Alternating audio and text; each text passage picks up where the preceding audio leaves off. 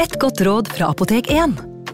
Nå er snart pollensesongen i gang, og et godt råd til deg som sliter med pollenallergi, er å begynne behandlingen i god tid før allergisesongen starter.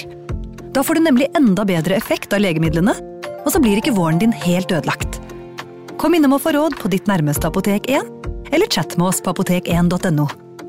Apotek 1 vår kunnskap, din trygghet.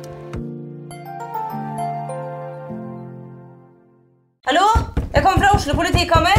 Ine Jansen er purk. Er du purk? The motherfucking bitch. Alt jeg vil, er å finne ut hva som skjedde med mannen min. Jon Carew. Er jeg sikta for noe? Iben Akeli. Det er du.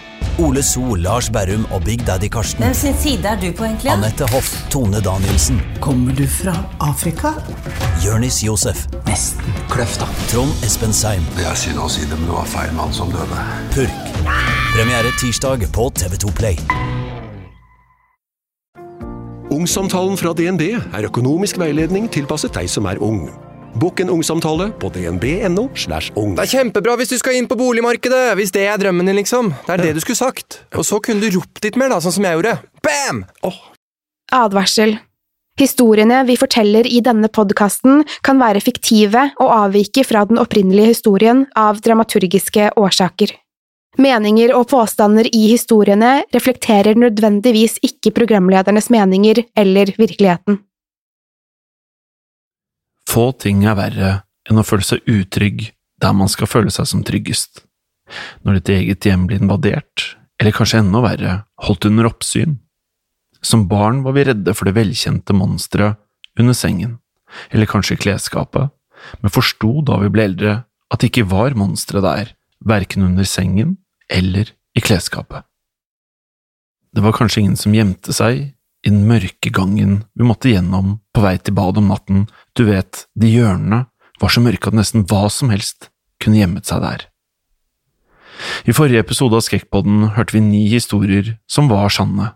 Et par av dem handlet om det å være utrygg i sitt eget hjem, som for eksempel den lille jenta som ved hver kveld fortalte faren sin at det var en mann i skapet, hvor faren beroliget henne med at hun innbilte seg det hele.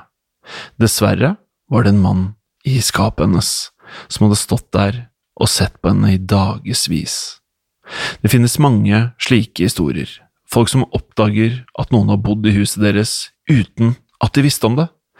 Stalkere som har gjemt seg på rommet til ofrene, eller personer som har tatt bolig i taket, eller på loftet, eller i bodene til folk, og kanskje kommet frem om natten for å hente seg litt mat. Det skjer aldri meg, tenker vi, og for å være ærlig, er sannsynligheten for at noe slikt skal skje deg eller meg relativt liten. Men den er der, og det kan skje. Det har jo skjedd med helt vanlige mennesker, dette her. Historien vi skal høre i dag, er tatt rett fra virkeligheten. Historien er sann, den har forbløffet og skremt mange verden over fordi den er så ekstremt invaderende for de som er ofrene i saken. Forestill deg nå at du ikke lenger er trygg i ditt eget hjem, at noen vet hva du gjør til enhver tid, hva barna dine gjør, hva de hadde på seg i ettermiddag, og når de kom hjem fra skolen. De vet når du la deg i går, når du tok deg en dusj og hva du spiste til middag, men hvordan? Her er historien om en familie som opplevde nettopp dette, en helt vanlig familie i delstaten New Jersey, som nettopp hadde kjøpt seg et hus da de begynte å motta brev i posten. Resten er blitt til hundrevis av artikler, teorier og til og med rettssaker. Her er historien om The Watcher.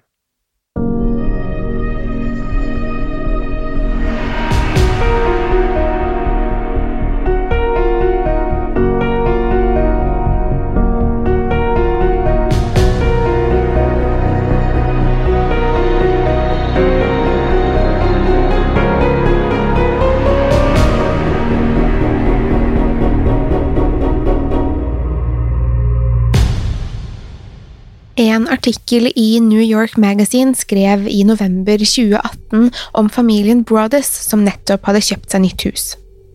De hadde pusset opp litt her og der, malt og hadde planer om å legge nye gulv, bytte kjøkken og lignende i det store huset på 657 Boulevard i Westfield. Huset har hele seks soverom, perfekt for en voksende familie. Derek og Maria Brothers hadde hatt huset i kun tre dager da det hele startet. Maria hadde vokst opp i Westfield, og familien flyttet hit på grunn av de naturskjønne omgivelsene, det rolige nabolaget og nærheten til øvrig familie. Derek på sin side hadde vokst opp i Maine, og Westfield minnet han litt om hjemme. En kveld etter å ha gjort seg ferdig med malingen, gikk Derek ut for å hente posten.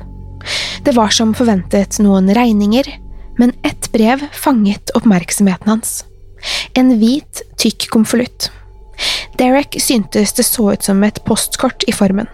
På konvolutten står det Til de nye eierne. Sikkert en nabo som vil ønske oss velkommen, tenker han og tar med seg posten inn i huset. Han åpner regningene og legger de på hyllen der ubetalte regninger ligger, før han snur seg mot den hvite konvolutten. Den tykke håndskriften ser litt ustødig ut, nesten klønete. Derek leser brevet, og det starter for så vidt hyggelig. Kjæreste nye nabo i 657 Boulevard. Tillat meg å ønske dere velkommen til nabolaget.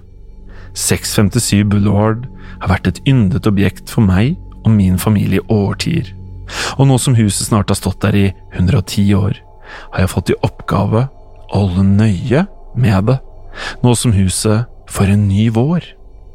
Min bestefar holdt huset under oppsyn på 20-tallet, og min far har gjort det samme siden 60-tallet. Nå er det endelig min tur. Kjenner du til husets historie? Vet du hva husets vegger egentlig skjuler? Hva veggene i 657 Boulevard har sett? Hvorfor er dere her? Det skal jeg finne ut.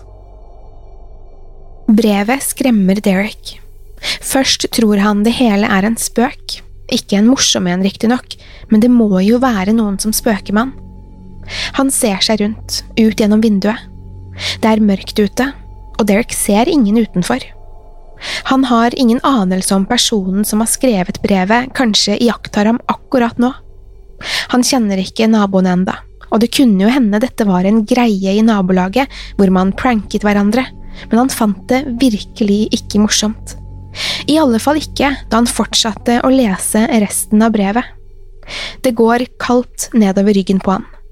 Brevskriveren forteller detaljert om bilen deres, entreprenørene som jobber på huset deres, ja, til og med hvilke rom de pusser opp i.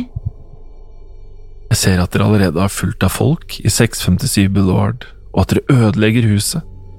Dere forandrer huset. Og det er ikke slik det skal være.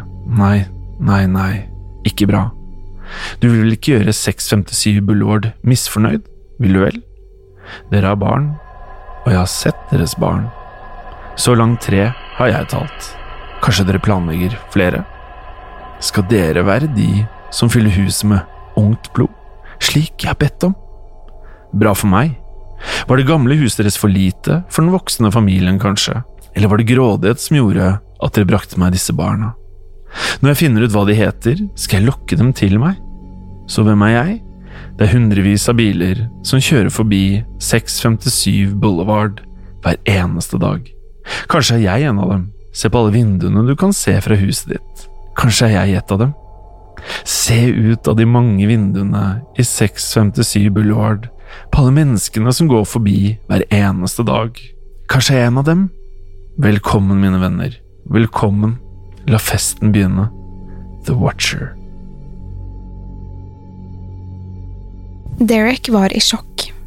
Han kjente seg så utrygg og utsatt.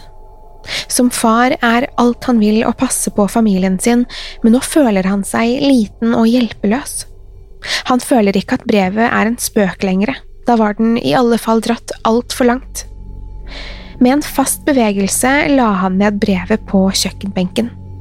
Deretter nærmest marsjerte han gjennom hele huset og låste dører og vinduer. Sjekket dem, dobbeltsjekket. Ingen skulle inn hit. Han var alene i huset, og for første gang i sitt voksne liv var han redd. Han grep telefonen og ringte politiet. Mannen i den andre enden forsto ikke helt hva han mente, derfor leser Derek hele brevet for politimannen. Hvem i helvete er dette? spør Derek uten å forvente at politimannen kunne gi han noen svar. Derek blir spurt om han har noen fiender, eller noen som vil han selv eller kona hans noe vondt. Derek kan ikke komme på hvem det skulle være.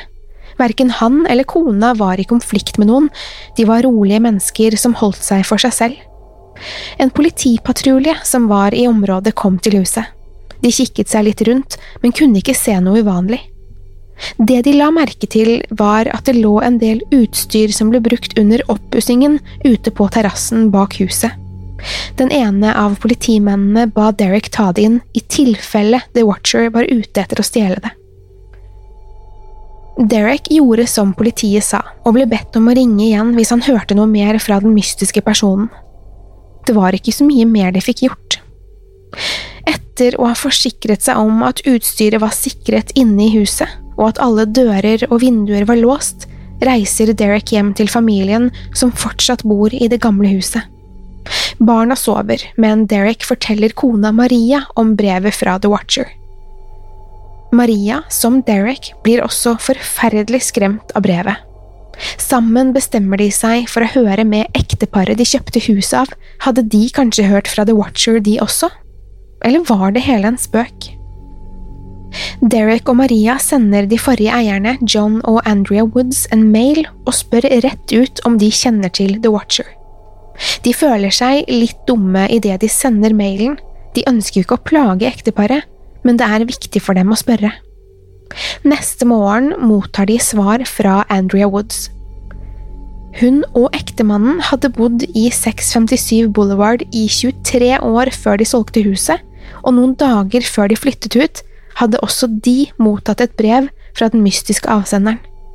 I brevet hadde The Watcher bedt ekteparet Woods om å hente inn friskt blod, samme referanse han brukte i brevet til Derek og Maria. Andrea Woods blir med Derek og Maria til politiet den dagen. Selv om hun hadde kastet brevet sitt, husker hun godt hva som sto i det. Politiet tar heldigvis saken alvorlig, men det er lite de kan gjøre. Det er umulig å finne ut hvem brevet er fra, Personen går langt i å ikke identifisere seg selv. Det finnes heller ingen ukjente fingeravtrykk på brevet. Politibetjent Leonard Lugo råder Derek og Maria til å ikke fortelle noen om brevet, i alle fall ikke sine nye naboer, som nå var mistenkte i saken inntil videre. Derek og Maria hadde knapt nok møtt noen av dem. De neste ukene lever ekteparet i høy beredskap. De er redde, men prøver å leve så normalt som mulig for barnas skyld. Likevel, hver gang de er i huset og barna leker i hagen, blir Maria nervøs hvis de er ute av syne. Hun roper dem desperat tilbake til seg, livredd for at The Watcher skal ta dem. Derek avlyser jobbreiser og arbeider mye hjemmefra. De er påpasselige med hvem de omgås med, og føler at alle stirrer på dem. Et nabopar er innom dem en ettermiddag for å se hvordan det har blitt nå som resultatene av oppussingen begynner å ta form. Nabokona sier i en bisetning mens hun peker bort på barna at det er godt med litt nytt, friskt blod i nabolaget. Både Derek og Maria fryser til is. Hva mente hun med det? En annen gang kom prosjektlederen for husrenoveringen på jobben morgen og fant et stort skilt han hadde spikret fast i gjerdet, revet rett ut og kastet på bakken. Det hadde hengt der da familien dro om kvelden, så skiltet hadde tydeligvis blitt revet vekk i løpet av natten. Var det The Watcher, eller kunne det være noen ungdommer som hadde hatt det moro på andres bekostning? Er du glad i Skrekkpodden, sjekk gjerne ut andre podkaster fra moderne media, som Historiepodden, Mørkeredd eller True Crime-podden. Podkastene våre finner du der du lytter til podkast, som på iTunes eller på Spotify.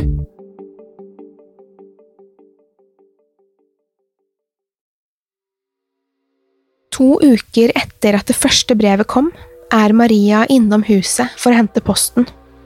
Hun gjenkjenner den tykke, svarte skriften med en gang. Et nytt brev fra The Watcher. Maria ringer politiet sporenstreks. Velkommen igjen til deres nye hjem 657 Boulevard. Arbeiderne har hatt lite å drive med, har jeg lagt merke til. Jeg har også sett på dere mens dere har pakket ut eske for eske med deres personlige eiendeler. Må si konteineren var en fin greie. Har dere forresten funnet ut hva som er i veggene ennå? Med tiden vil dere oppdage dette. Jeg er glad for at jeg endelig vet navnene deres nå, ikke minst barna deres.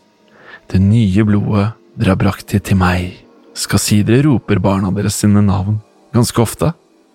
Barnet som maler, jeg har sett staffeliet hennes, si meg, er hun den lille kunstneren i familien? The Watcher kan navnet deres. Han kaller Derek og Maria for herr og fru Brodus og vet navnene på barna, samt hvilken rekkefølge de er født i. The Watcher kan alt om dem, ser det ut til. Maria får omtrent ikke puste, redselen og håpløsheten tar tak i henne og vil ikke slippe. Hun kjenner på en overveldende frykt for noe hun ikke kan se. Det er så nytteløst alt sammen, de er ikke trygge i sitt eget hjem. Noen kjenner dem, rutinene deres. The Watcher ser på dem, ser hva de gjør hele tiden. Alt The Watcher har fått med seg, stemmer, men hvem kan det være? Brevet fortsetter. 657 Boulevard er utålmodig. Huset ønsker at dere flytter inn. Det er årevis siden friskt, nytt blod rallet i gangene. Har dere funnet ut alle hemmelighetene i huset ennå? Kommer barna til å leke i kjelleren? Eller er de kanskje for redde for å være der nede alene? Jeg ville vært veldig redd om jeg var dem. Veldig redd. Det er jo langt unna resten av huset. Hvis dere er oppe i de andre etasjene, vil dere ikke kunne høre barna skrike. Skal de sove på loftet, kanskje? Eller i andre etasje? Hvem av barna skal ha soverommene vinduet ut mot veien? Det får jeg jo vite med en gang de flytter inn, men det ville ha hjulpet å vite det på forhånd. På den måten kunne jeg planlagt bedre. Alle vinduer og dører i 657 Boulevard gjør at jeg kan se mens dere beveger dere rundt i huset. Og hvem er jeg? Jeg er The Watcher, og jeg har hatt kontroll over 657 Boulevard for mer enn to tiår. Familien Woods solgte huset til dere, og det var på tide og var vennlige og solgte huset da jeg ba dem om det. Jeg går forbi flere ganger om dagen. 657 Boulevard, det er jobben min. Livet mitt. Det er min besettelse. Og nå er også dere nettopp det. Familien Brothers. Velkommen til resultatet av deres egen grådighet. Grådighet var nemlig det som fikk de tre tidligere eierne til 657 Boulevard. Og nå, nå har grådighet gitt dere til meg. Ha en fin innflytningsgave. Jeg holder øye med dere. Det siste brevet gjorde Derek og Maria skrekkslagne. Dette var ingen spøk, det kan ikke ha vært noen som prøvde å tulle med dem. Dette var ekte og veldig alvorlig. The Watcher vet hva barna heter, han har sett på dem, han vet hva de liker å gjøre. Han vil vite hvor de skal sove. Og hva i alle dager mente han med kjelleren? At de ikke ville kunne høre barna skrike av hva? Og loftet, var det noen der? Hva gjemte seg i veggene? Derek og Maria føler at de er med i en skrekkfilm, men denne filmen kan ikke slås av. Dette er veldig ekte, og de frykter for sin og barnas sikkerhet.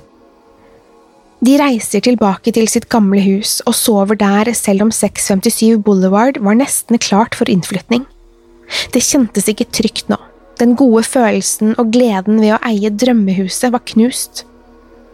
Den var forpestet av frykt og redsel, av ren, skjær terror. Det hjalp ikke å anmelde, for The Watcher hadde tydeligvis tatt alle forholdsregler og ikke etterlatt seg et eneste spor eller hint om hvem han var. Ikke annet enn at han var der hele tiden og visste hva de drev med. Han gikk forbi flere ganger om dagen, sto det. Maria og Derek forsøkte å huske hvem som var der mye. Var det kanskje en nabo som hilste på dem oftere enn normalt, eller noen de så mer enn vanlig? Det kan være naboene, men hvem? Brevene avslører jo at The Watcher bor i nærheten, nære nok til å høre Derek og Maria rope på barna. Nære nok til å se hva barna gjør når de er inne i huset. The Watcher vet om kjelleren, at den er nærmest lydtett. Det hadde han jo skrevet i det siste brevet. Det meste av oppussingen hadde foregått innendørs, og det hadde ikke vært lett å se fra utsiden at de pusset opp. Noen må ha vært så nærme huset at de kunne se inn. Huset ble bygget i 1905 og hadde siden da vært det aller fineste huset i nabolaget. De fleste som bodde i gaten var relativt velstående mennesker med livene sine på stell, det var ingen typiske merkelige naboer der. Bortsett fra ett hus, kanskje. Huset skrått over gaten. Huset til Langford-familien. De hadde bodd der siden 60-tallet, og nå bodde den eldre enken på over 90 år fremdeles der med flere av sine voksne barn. Mannen hennes hadde dødd tolv år tidligere og hadde vært familiens overhode. Sønnen Michael hadde på en måte tatt over for faren sin som mannen i huset. Familien holdt seg mye for seg selv, men var på fornavn med alle i nabolaget. De var sett på som vennlige, men litt rare. Kunne Michael være The Watcher? Derek begynner å tro det. Han ser hvor nærme huset deres ligger. Han ser at de bor i kort nok avstand fra hans hus, nok til å kanskje høre hva som blir sagt når Derek og familien er i bakhagen. Derek legger en plan. Han setter opp skjulte kameraer rundt på eiendommen og nære huset, i håp om å kunne fange The Watcher på film. Han spionerer på naboene sine, legger seg i buskene på natten og ser mot veien utenfor med nattkamera, og flere forteller at han virker helt gal. Derek selv innrømmer at han ble paranoid en periode. Han er helt overbevist om at Michael Langford er The Watcher, og konfronterer han flere ganger.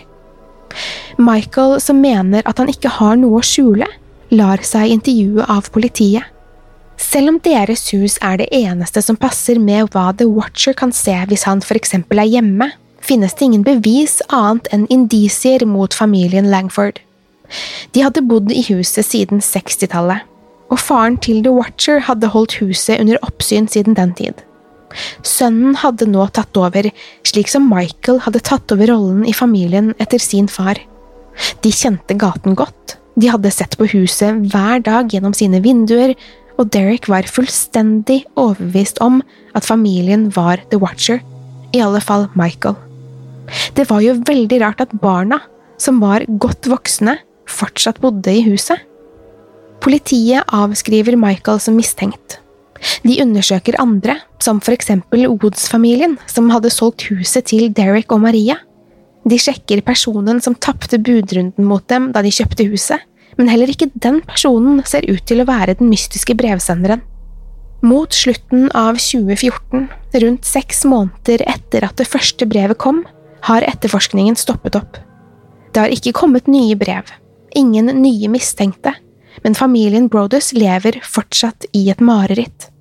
Saken deres har begynt å bli kjent i media, og folk kommer med elleville teorier, som for eksempel at huset er forbannet, besatt av onde ånder og bygget på et sted hvor henrettelser fant sted under borgerkrigen. I et desperat forsøk på å få bukt med alle ryktene, får Maria og Derek en prest til å rense og velsigne huset deres. De legger huset sitt ut for salg, men ingen vil kjøpe det. De som kommer på visningen, er folk som ønsker å se huset fordi de har hørt om brevene. Derek og Maria på sin side sjekker håndskriften til alle som skriver seg opp som interessenter på listen, og sammenligner den med håndskriften til The Watcher. Ingen matcher. De lever fortsatt i et mareritt, og ingen kan hjelpe dem. Politiet prøver å se om det går an å få tatt en DNA-prøve av limet på konvolutten og til deres store overraskelse får de frem en DNA-profil. Overraskende nok skal DNA-et tilhøre en kvinne. Men hvem? Derek er sikker på at det er Michaels søster som har hjulpet broren sin, hun bor også hjemme hos sin gamle mor. DNA-et hennes blir faktisk sjekket, men det er ingen match. Det kommer ingen nye ledetråder, og The Watcher er fortsatt på frifot. Familien prøver å selge huset sitt igjen i 2016. De deler til og med opp huset, slik at det blir to enheter, men heller ikke det gjør at huset selges. Det er ikke fordi huset er for dyrt, det er på grunn av The Watcher. De saksøker familien Woods, de tidligere eierne, men kommer ingen vei. I 2016 kommer også et nytt brev, som virker mer aggressivt enn før. Kanskje en bilulykke? Kanskje en brann? Eller kanskje noe så enkelt som en mild sykdom dere aldri blir friske av, som får dere til å føle dere dårlige hver eneste natt?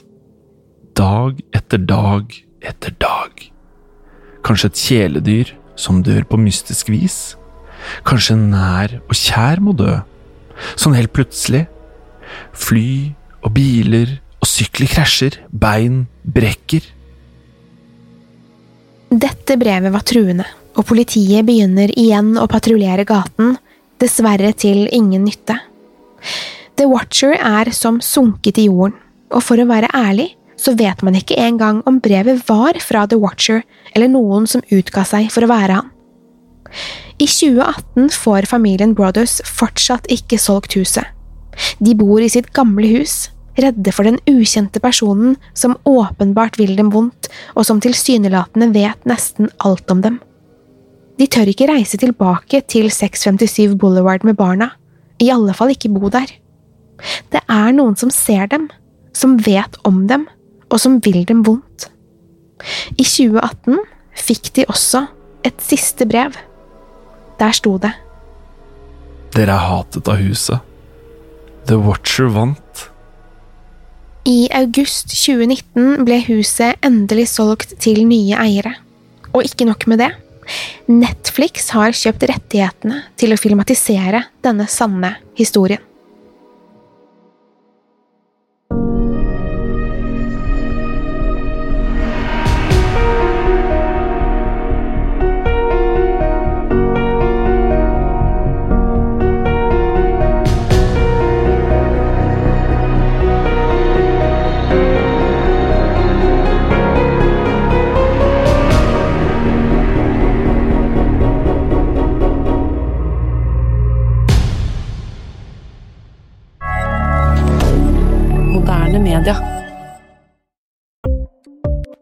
Ukens annonsør er Folio, en smartere banktjeneste for deg som har en egen bedrift eller ønsker å starte for deg selv.